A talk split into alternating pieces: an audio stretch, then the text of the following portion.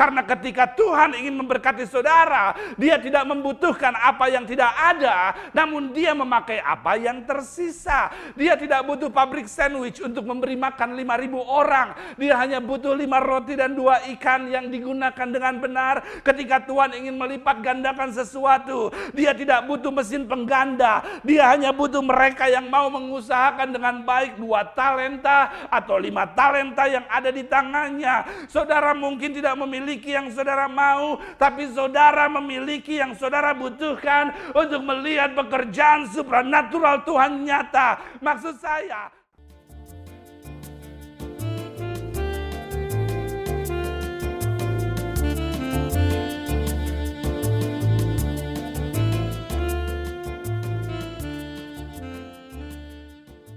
satu gereja bagi para pecandu dan para gangster termasuk juga prostitusi.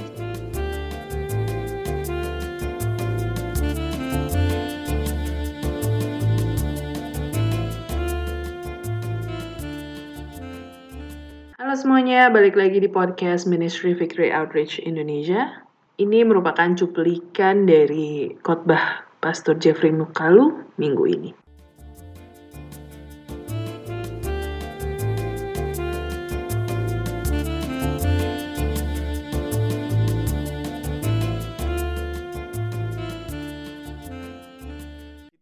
Akan membuka sama-sama firman Tuhan di kitab dua Raja-Raja pasal yang keempat ayat 1 sampai ayat yang ketujuh. Salah seorang dari istri-istri para nabi mengadukan halnya kepada Elisa sambil berseru, hambamu suamiku sudah mati. Dan engkau ini tahu bahwa hambamu ini takut akan Tuhan, tetapi sekarang penagih hutang sudah datang untuk mengambil kedua orang anakku menjadi budaknya. Jawab Elisa kepadanya, Apakah yang dapat kuperbuat bagimu? Beritahukanlah kepadaku apa yang kau punya di rumah. Berkatalah perempuan itu, hambamu ini tidak punya sesuatu apa pun di rumah kecuali buli-buli berisi minyak. Lalu berkatalah Elisa, pergilah, mintalah bejana-bejana dari luar, daripada segala tetanggamu bejana-bejana kosong tetapi jangan terlalu sedikit. Kemudian masuklah, tutuplah pintu sesudah engkau dan anak-anakmu masuk, lalu tuanglah minyak itu ke dalam segala bejana, mana yang penuh angkatlah. Pergilah perempuan itu daripadanya, ditutupnyalah pintu sesudah itu, ia dan anak-anaknya masuk, dan anak-anaknya mendekatkan bejana kepadanya, sedang ia terus menuang. Ketika bejana-bejana itu sudah penuh, berkatalah perempuan itu kepada anaknya, dekatkanlah kepadaku sebuah bejana lagi.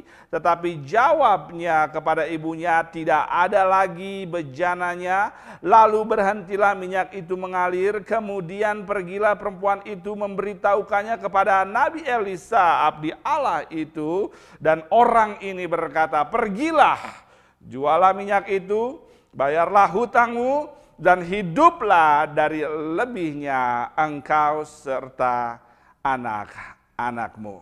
Tuhan Yesus kami siap menerima firman Tuhan di dalam nama Tuhanmu, Tuhan Yesus kami berdoa. Amin.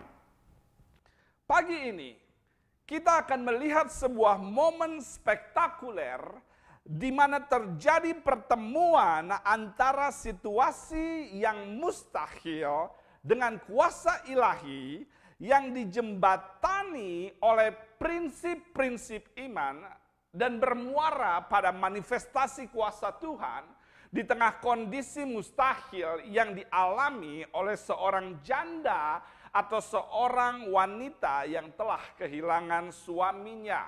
Ada satu pertemuan kuasa Tuhan dan satu krisis, namun terjadi hal tersebut karena ada prinsip iman yang menjembataninya di dalam cerita tersebut. Prinsip iman selalu menjadi jembatan untuk kuasa Tuhan bergerak Maksud saya cara Tuhan bisa berbeda, dia bisa meludah, dia bisa menjamah, dia bisa berbicara, dia bisa pakai sapu tangan, dia bisa pakai tongkat, bisa apa saja caranya, namun prinsipnya selalu sama dan berdasar kebenaran firman Tuhan.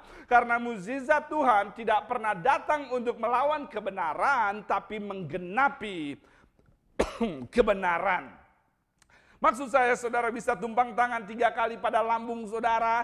Itu tidak akan membuat saudara sembuh sampai saudara berhenti makan pedas dan makan asam. Kemauan somebody. Saudara pun bisa diberkati bukan karena melompat tiga kali, berputar dua kali, bicara ini itu empat kali. Saudara diberkati jika saudara mau berusaha dan bekerja dengan jujur dan menjadi berkat bagi sesama.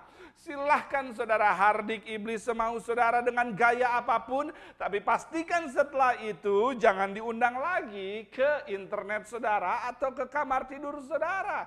Maksud saya kolesterol tidak perlu jamahan Tuhan. Yang harus Tuhan jamah adalah saudara untuk bisa memilih mana makanan yang sehat dan mana makanan yang sakit. Kemau somebody. Oleh karenanya jika saudara ingin melihat kuasanya fokus kejar prinsipnya bukan fokus mengejar caranya. Karena Tuhan bisa memakai cara apa pun namun selalu dengan prinsip yang sama. Dia bukan dukun yang memakai formula atau cara tertentu dalam menunjukkan keahliannya, tapi dia Tuhan yang berprinsip dalam menunjukkan kuasanya. Di dalam porsi ayat yang kita baca lebih detail, kita melihat kuasa Tuhan terjadi di tengah kondisi hilangnya tulang punggung atau saluran berkat dalam kehidupan wanita ini. Bisakah saya lanjut berkhotbah pagi hari ini? Hanya karena saudara kehilangan seseorang. Hanya karena saudara kehilangan tulang punggung saudara. Hanya karena saudara kehilangan pipa saluran berkat. Hanya karena pintu tertutup. Itu tidak berarti saudara kehilangan kuasa dan berkat Tuhan untuk hidup saudara.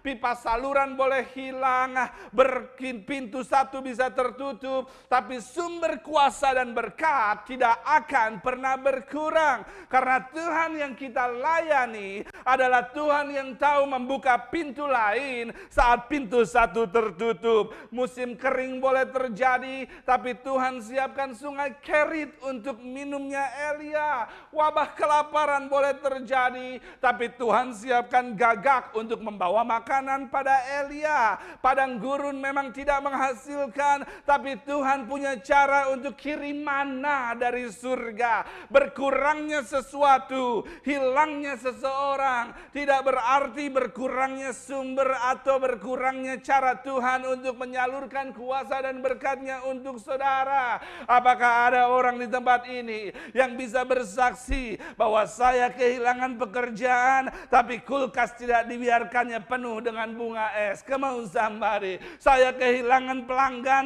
tapi saya tetap tetap jadi langganan berkat. Kemau sambar. Apakah ada orang di tempat ini yang bisa bersaksi bahwa dagangan saya sepi, tapi yang kirim makanan banyak. Kemau sambar. Penghasilan hanya 30 persen, tapi saya tetap makan 10 persen. Pagi makan, siang makan, malam makan, dan tengah malam juga makan. Belum termasuk snack dan lain-lain. Kemau sambar. Pipa saluran berkat bisa hilang, namun sumber berkat tidak akan pernah berkurang. Sebaiknya saudara bersorak bertepuk tangan karena Tuhan tidak pernah kehilangan cara untuk memberkati kita semua. Pertemuan kuasa Tuhan dengan situasi yang dimiliki oleh wanita yang baru kehilangan suaminya dimulai dengan pertemuan dia dengan Nabi Elisa. Bisakah saya beritahu saudara pagi hari ini? Beberapa mukjizat saudara dimulai saat saudara menemui orang yang tepat atau lingkungan yang benar.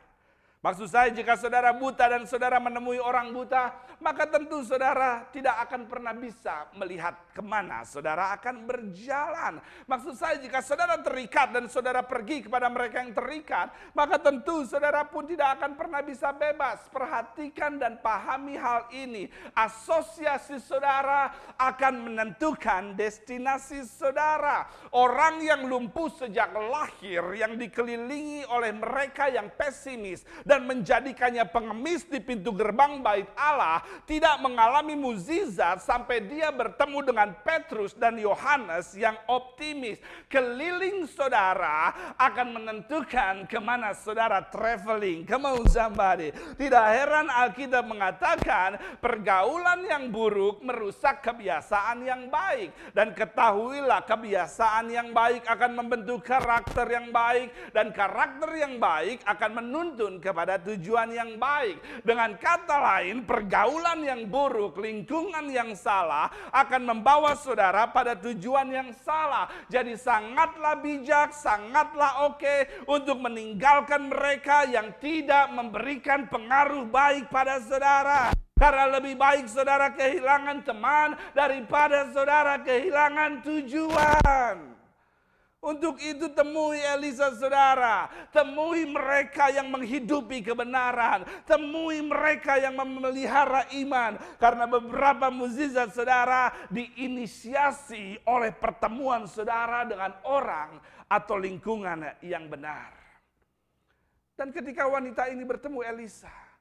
Maka disampaikannya lah kondisi krisis yang dia alami. Wanita ini curhat pada Elisa dan adalah baik untuk curhat masalah saudara. Tidak apa-apa curhat masalah saudara. Jika saudara punya masalah dan saudara mengatakan saya baik-baik saja, maka saudara sesungguhnya sedang membangun tembok di sekeliling masalah yang ada. Saudara sedang menutup solusi untuk masalah saudara. Tidak apa-apa untuk curhat karena luka yang tertutup adalah luka yang tidak tersembuhkan. Curhat itu baik, namun pastikan saudara pun curhat kepada orang yang tepat dan cara yang tepat. Face your problem. Don't Facebook your problem. Come on somebody. Curhat masalah saudara pada seseorang yang akan mengarahkan saudara pada kebenaran. Bukan kepada mereka yang senang melihat saudara dalam masalah. Elisa kata wanita ini yang sedang curhat. Hambamu, suamiku telah mati dan engkau tahu bahwa dia takut akan Tuhan. Tapi sekarang penagih hutang datang dan saya tidak bisa bayar dan sebagai gantinya anak-anak saya akan dijadikan budak oleh penagih hutang ini. Elisa suamiku pelayan Tuhan dan kami sekeluarga ikut Tuhan. Tapi sekarang kami mengalami krisis yang mustahil diselesaikan terjadi dalam keluarga kami. Wanita ini mengatakan Elisa kami takut Tuhan. Kepala keluarga kami pelayan Tuhan, kami iring Tuhan, kami keluarga yang melayani Tuhan, tapi sekarang kami sekarat. Pernahkah saudara bertanya-tanya dalam hati saudara, saya sudah ikut Tuhan, saya sudah melayani Tuhan, saya sudah melakukan apa yang benar, tapi mengapa sekarang krisis terjadi? Mengapa sakit tidak sembuh? Mengapa ekonomi memburuk? Mengapa pasangan semakin parah? gereja Tuhan dengar baik-baik hari ini. Mengikut Yesus tidak membuat saudara dikecualikan dari masalah. Mengiring Yesus tidak berarti saudara bebas masalah. Menjadi benar tidak berarti semua akan baik-baik saja. Silakan tanya Ayub, silakan tanya Daniel, silakan tanya Paulus, silakan tanya murid Yesus. Atau jika saudara mau tanya pada saya, saya akan tunjukkan pada saudara bahwa ada waktu di mana saya mengiring Yesus. Saya dihianati, saya menangis siang malam, saya termenung berjam-jam, saya bingung untuk penuhi kebutuhan, saya ingin saya ingin lari, saya ingin menyerah, terluka, sakit, kurang, lelah, frustrasi. Tapi satu hal yang sama yang saya lihat dari Ayub, dari Daniel, dari Paulus, dari murid Yesus, dari hidup saya. Bahwa Tuhan tidak selalu mencegah masalah yang ada. Namun dia selalu menolong di tengah masalah yang ada. Tidak heran Alkitab mengatakan bahwa orang benar kemalangannya banyak. Tapi dibebaskannya dia dari semuanya itu. Tapi diperpanjang olehnya sewa rumahnya ke somebody. Tapi diperpanjang olehnya sewa rumah pemulihan ke mau somebody. Tapi dibuka olehnya usaha baru. Tapi didatangkannya customer baru. Tapi diberi diskon olehnya toko saya pada saat saya akan menyewa kembali ke Mausamba. Tapi diberi potongan olehnya uang sekolah anak saya. Tapi Tuhan, tapi Tuhan, tapi Tuhan, jika ada seseorang yang mengerti apa yang saya bicarakan pagi hari ini mengenai momen tapi Tuhan, katakan terima kasih Tuhan. Mengikut Yesus tidak membuat masalah pergi dari saudara, namun membuat Allah datang kepada masalah saudara. Lalu Elisa menjawab ketika mendengar curhat dari wanita ini, apa yang dapat kuperbuat kepadamu? Dan saudara melihat di dalam Alkitab pertanyaan pertama ini tidak dijawab oleh si wanita. Jika saya dan saudara jadi wanita tersebut dan ada yang bertanya apa yang bisa saya lakukan buat kamu di tengah kondisi yang mustahil untuk dipenuhi saat itu, tentu kita akan jawab, tolong bayarkan hutang-hutang saya atau lakukan sesuatu untuk bisa hutang saya diperpanjang dan anak saya tidak dijadikan ganti bayarnya. Saya tidak mau kehilangan lagi, saya baru hilang suami dan saya nggak mau kehilangan anak-anak saya. Jika kita menjadi wanita tersebut pada saat ada seseorang orang yang bertanya apa yang bisa kulakukan, tentu kita ingin melihat ada jawaban segera saat itu. Namun Alkitab mencatat pertanyaan Elisa yang pertama ini tidak dijawab oleh wanita tersebut. Padahal ada angin segar dalam pertanyaan Elisa. Tapi wanita ini dia diam karena dia tidak melihat harapan untuk kondisinya. Di mata dia semua sudah terlihat mustahil. Dia sudah yakin bahwa bahwa cara apa pun tidak akan membuat situasinya berubah. Tidak heran dia diam walaupun ada tawaran yang bisa membantu dia. Dan ketika saudara mengalami kemalangan demi kemalangan, kehilangan demi kehilangan, duka demi duka, konflik demi konflik, penderitaan demi penderitaan, kesakitan demi kesakitan, maka saudara akan ada berada di stage yang sama dengan wanita ini di mana saudara sudah tidak lagi percaya akan ada jalan keluar, sudah lagi tidak percaya akan ada harapan karena pergumulan di tahap awal, saudara masih fresh, saudara masih kuat, saudara masih bisa percaya bahwa akan ada jalan. Namun jika itu terus terjadi berulang kali, saudara akan mulai hilang kekuatan dan mulai percaya bahwa saya yang yang saya hadapi adalah mustahil untuk diselesaikan. Jadi saya diam, saya mati rasa, saya tidak percaya dia akan berubah pasrah. Kalau tidak ada anak-anak saya pasti sudah pergi. Saya tidak akan sukses. Semua mustahil dan tidak ada harapan buat saya. Tapi pagi hari ini saya datang kepada saudara untuk mengatakan bahwa iblis adalah pembohong. Selama saudara masih hidup, saudara akan melihat perubahan. Masalah memang tidak berubah, tapi Tuhan saudara pun tidak berubah. Kuasanya sama dulu sekarang sekarang dan selamanya. Dengan kata lain, apa yang mustahil buat saudara adalah hal yang tidak mustahil buat Tuhan saudara. Dan hal ini memimpin saya untuk mengatakan, saudara bisa jadi sukses, saudara bisa jadi kepala, saudara bisa jadi naik, saudara bisa tertawa lagi, saudara bisa bahagia lagi. VO Bandung bisa melahirkan gereja di kota lain. Bisnis baru saudara bisa diberkati Tuhan. Jangan kasih titik untuk apa yang masih koma. Koma tidak berarti mati. Konflik tidak berarti hancur. Kurang tidak berarti habis. Sendiri tidak berarti kesepian. Wabah tidak berarti selesai. Impossible hanya berarti I am possible. Karena kemustahilan bukanlah sebuah fakta keadaan, tapi sebuah opini tentang keadaan. Dan faktanya adalah nothing is impossible and impossible is nothing. Jika saudara percaya, jika saudara melihat, atau jika saudara mengalami bahwa bagi Tuhan tidak ada yang mustahil, katakan sama-sama amin. Lalu Nabi Tuhan ini melanjutkan kalimatnya, kasih tahu saya. Apa yang engkau miliki di rumah? Wanita ini telah mengatakan sebelumnya bahwa saya punya hutang dan anak-anak saya akan menjadi ganti bayar hutang. Dengan kata lain sesungguhnya wanita ini telah melihat bahwa tidak ada apa pun yang saya punya lagi untuk bayar hutang. Tapi ketika Elisa mendengar curhat dari wanita ini, Elisa bersikeras untuk bertanya kembali apa yang engkau miliki di rumah.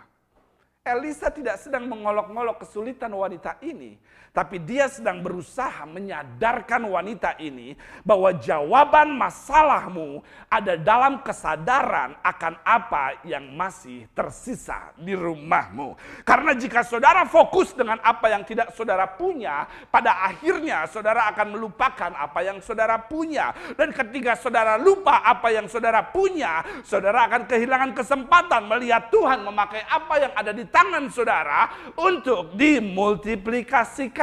Karena ketika Tuhan ingin memberkati saudara, dia tidak membutuhkan apa yang tidak ada, namun dia memakai apa yang tersisa. Dia tidak butuh pabrik sandwich untuk memberi makan 5000 orang.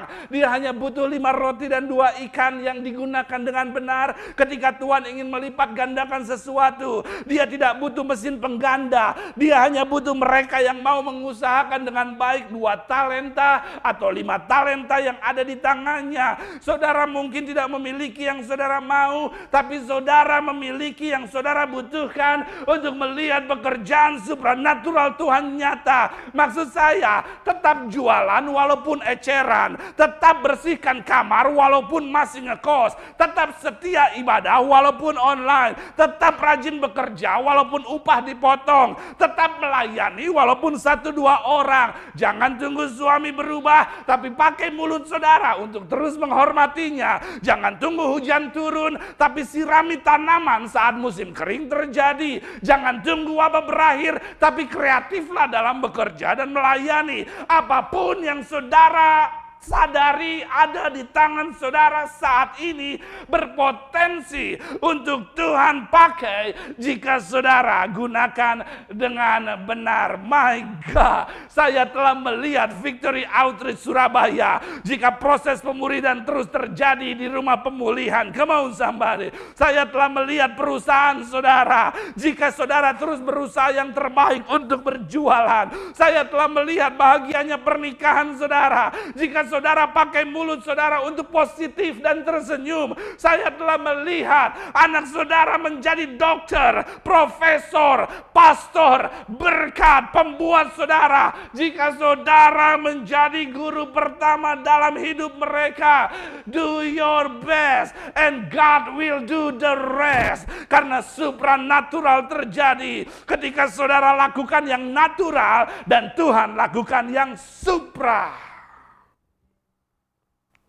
Lalu akhirnya wanita ini menjawab, saya hanya punya minyak dalam buli-buli, saya hanya punya sedikit.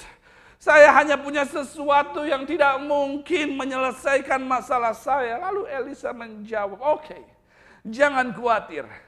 Karena hal ini bukan tentang jumlah, tapi tentang berserah. Jika kamu mau mengikuti perintahku, maka kamu akan melihat yang sedikit menjadi banyak. Ini yang harus kamu lakukan dengan sedikit yang kamu punya. Ini yang akan harus kamu lakukan. Saya tahu kamu punya sedikit. Saya tahu kamu melihatnya mustahil.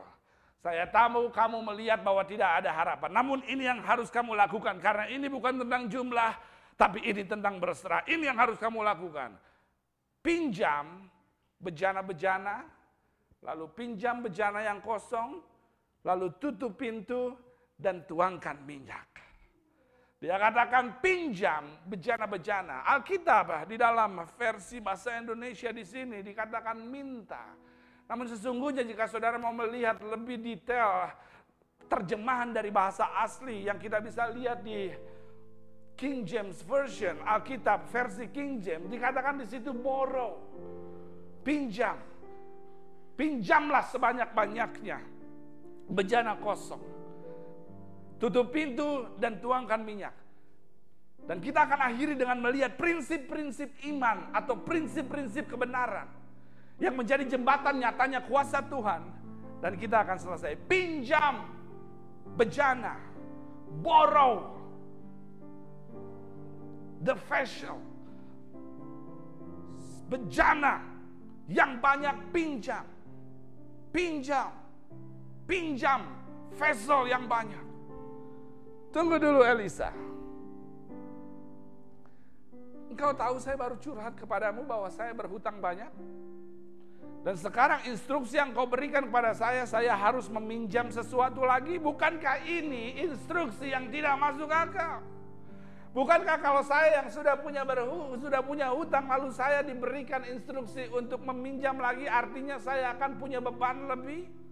Saya akan makin banyak pinjamannya. Saya ingin menarik satu prinsip iman dalam hal ini. Apa yang diminta Nabi Elisa jelas tidak masuk akal atau melebihi logika kita secara manusia. Karena seseorang yang berhutang disuruh untuk meminjam lagi. Itu jelas melebihi logika dan penalaran kita. Dengan kata lain, Elisa meminta wanita ini melakukan sesuatu yang melebihi penalarannya sebagai manusia. Ini di luar akal manusia dan ini permintaan supranatural. Karena ini prinsipnya Tuhan.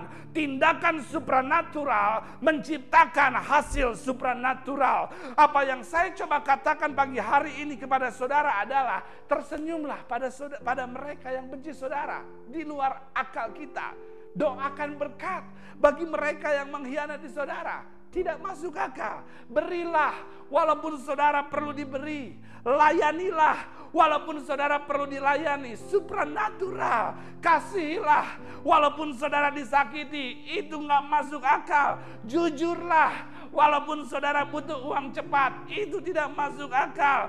Karena apa yang saudara rasakan tidaklah sepenting ketaatan saudara kepada kebenaran. Tuhan mengerti atas apa yang saudara rasa, tapi Tuhan bergerak atas apa yang saudara taati. Rasakan apa yang saudara mau rasakan, tapi lakukan apa yang benar. Karena perasaan saudara tidak akan membawa pergi saudara sejauh tindakan saudara. Lalu akhirnya dipinjamnya lah oleh wanita ini bejana-bejana kosong, bejana-bejana kosong, bejana-bejana kosong. Kenapa harus bejana kosong? Karena jika saudara merasa tahu semua, merasa bisa semua, merasa tidak perlu diajar lagi, merasa sudah pengalaman, merasa paling mengerti di antara yang lain, saudara sudah penuh. Dan Tuhan tidak perlu mengisi apa yang sudah penuh. Tapi hanya mereka yang lapar dan hauslah yang akan Tuhan penuhi. Dan setelah dipinjamnya, bejana-bejana kosong, masuklah mereka dan menutup pintu. Dan ini prinsip terakhir. Terjadinya mukjizat dalam cerita ini yang ingin saya sampaikan untuk kita teladani. Tutuplah pintu setelah engkau meminjam bejana-bejana yang kosong masuk dan tutup pintu. Tutup pintu, tutup pintu. Tutup telinga saudara. Tutup hidup saudara. Untuk apa pun dan siapa pun yang menjatuhkan iman percaya saudara. Karena mukjizat tidak terjadi di lingkungan yang pesimis. Tapi mukjizat terjadi di lingkungan yang optimis. Untuk itu jangan izinkan apa pun dan siapa pun melemahkan iman saudara serta mengambil pengharapan saudara. Saya tidak peduli siapa yang mengatakannya kepada saudara, tapi adalah bohong yang berkata pada saudara, saudara tidak akan bisa berguna, adalah bohong yang berkata pada saudara, saudara tidak akan bisa sukses, adalah bohong yang berkata pada saudara bahwa saudara akan selalu sama, saudara tidak akan pernah bahagia, adalah bohong yang berkata pernikahan saudara akan selamanya retak, adalah bohong yang berkata bahwa ini mustahil, itu mustahil, tutup pintu, tutup telinga, jangan Jangan izinkan apa pun siapa pun mencoba untuk melemahkan iman percaya saudara. Karena yang benar adalah memang sulit tapi tidak mustahil. Memang berat tapi tidak mustahil. Memang sukar tapi tidak mustahil. Memang sedikit tapi tidak mustahil. Memang lama tapi tidak mustahil. Memang deadline tapi tidak mustahil tutup pintunya dan pastikan yang ada di balik pintu rumah saudara yang ada bersama saudara dalam kesulitan adalah mereka yang menambah iman saudara, melihat potensi saudara dan percaya bahwa saudara bukan kasus mustahil, impossible bukanlah impossible karena bagi Tuhan tidak ada yang mustahil. Jika saudara percaya bahwa tidak ada yang mustahil buat pernikahan saudara, buat masa depan saudara, buat usaha saudara, buat pelayanan saudara, buat anak saudara, buat pekerjaan saudara, buat apa pun yang saudara ada saat ini, jika saudara percaya tidak ada yang mustahil, katakan amin. Dan akhirnya wanita ini yang telah melihat semuanya mustahil untuk dilalui di awal sekarang melihat bahwa ternyata adalah benar. Tidak mustahil buat saya melihat hidup yang lebih baik berikutnya. Karena ternyata di ayat yang terakhir kita lihat minyak yang tadi dia lihat sedikit, situasi yang tadi dia lihat sekarat, pengharapan yang tadi hilang, karena dia mau melakukan prinsip-prinsip iman yang Nabi Tuhan tunjukkan. Dia mulai melihat pelipat gandaan, terobosan, pintu baru terbuka, hutang terbayar, usaha diberkati. Bahkan bukan hanya itu saja, masalah yang saat itu terjadi di masa present, yaitu harus melepaskan dia atau membayar hutang, itu terselesaikan. Namun setelah itu, dia memiliki penyediaan ekstra untuk hidup berikutnya. Bisakah saya beritahu sesuatu tentang Tuhan saudara? Bahwa Tuhan yang kita layani sanggup melakukan jauh lebih dari apa yang kita doakan dan kita pikirkan. Tundukkan kepala saudara pagi hari ini, saya tidak tahu persis apa yang saudara alami saat ini. Namun satu hal yang saya tahu pagi hari ini, bahwa tidak ada yang mustahil untuk saudara, tidak ada yang mustahil untuk situasi saudara, dan tidak ada yang mustahil untuk Tuhan saudara. Namun mari kita sama-sama menghidupi prinsip iman yang Alkitab tunjukkan kepada kita. Karena muzizatnya tidak pernah diperuntukkan untuk menggagalkan firmannya, namun untuk menggenapi firmannya. Dia Allah yang berprinsip untuk itu. Dia punya banyak metode untuk melakukannya, tapi prinsip yang kita hidupi akan menjadi tempat di mana Allah hargai dan bergerak di atasnya. Jika saudara ingin melihat lebih banyak pekerjaan Tuhan terjadi dan saya percaya dia sudah sediakan, mari kita sama-sama hidupi prinsip kebenaran dan saudara akan kaget Tuhan akan memakai cara-cara yang tidak pernah saudara duga karena tidak ada yang mustahil buat Tuhan kita. Tuhan Yesus saat ini Hamba berdoa buat setiap jemaatmu di mana pun mereka berada, apa pun situasinya, apa pun kendala, kondisinya saat ini kami mau berdoa. Agar mereka Tuhan boleh terus kuat di dalam firman, di dalam prinsip kebenaran. Sehingga mereka boleh melihat terjadinya atau berprosesnya mukjizat yang memang Tuhan sediakan buat mereka. Untuk itu Tuhan kelilingi mereka dengan lingkungan yang boleh menambah iman mereka, bukan mengurangi iman mereka yang boleh menambah kekuatan untuk berharap, bukan mengurangi kekuatan untuk berharap. Karena kami percaya bahwa Engkau sanggup melakukan jauh lebih dari apa yang kami doakan dan kami pikirkan pada saat kami boleh terus taat kepada apa yang benar dan melakukan apa yang benar, bukan apa yang mudah dan bukan apa yang sesuai perasaan kami. Terima kasih Tuhan karena Engkau Allah yang peduli dan selalu siap untuk menolong kami berdasarkan kebenaran dan prinsip ilahi. Di dalam nama Tuhan Yesus kami menerima firman Tuhan dan kami mengantisipasi untuk pekerjaan Tuhan yang besar dalam hidup kami dan semua jemaat Tuhan sama-sama yang menerima firman Tuhan katakan amin.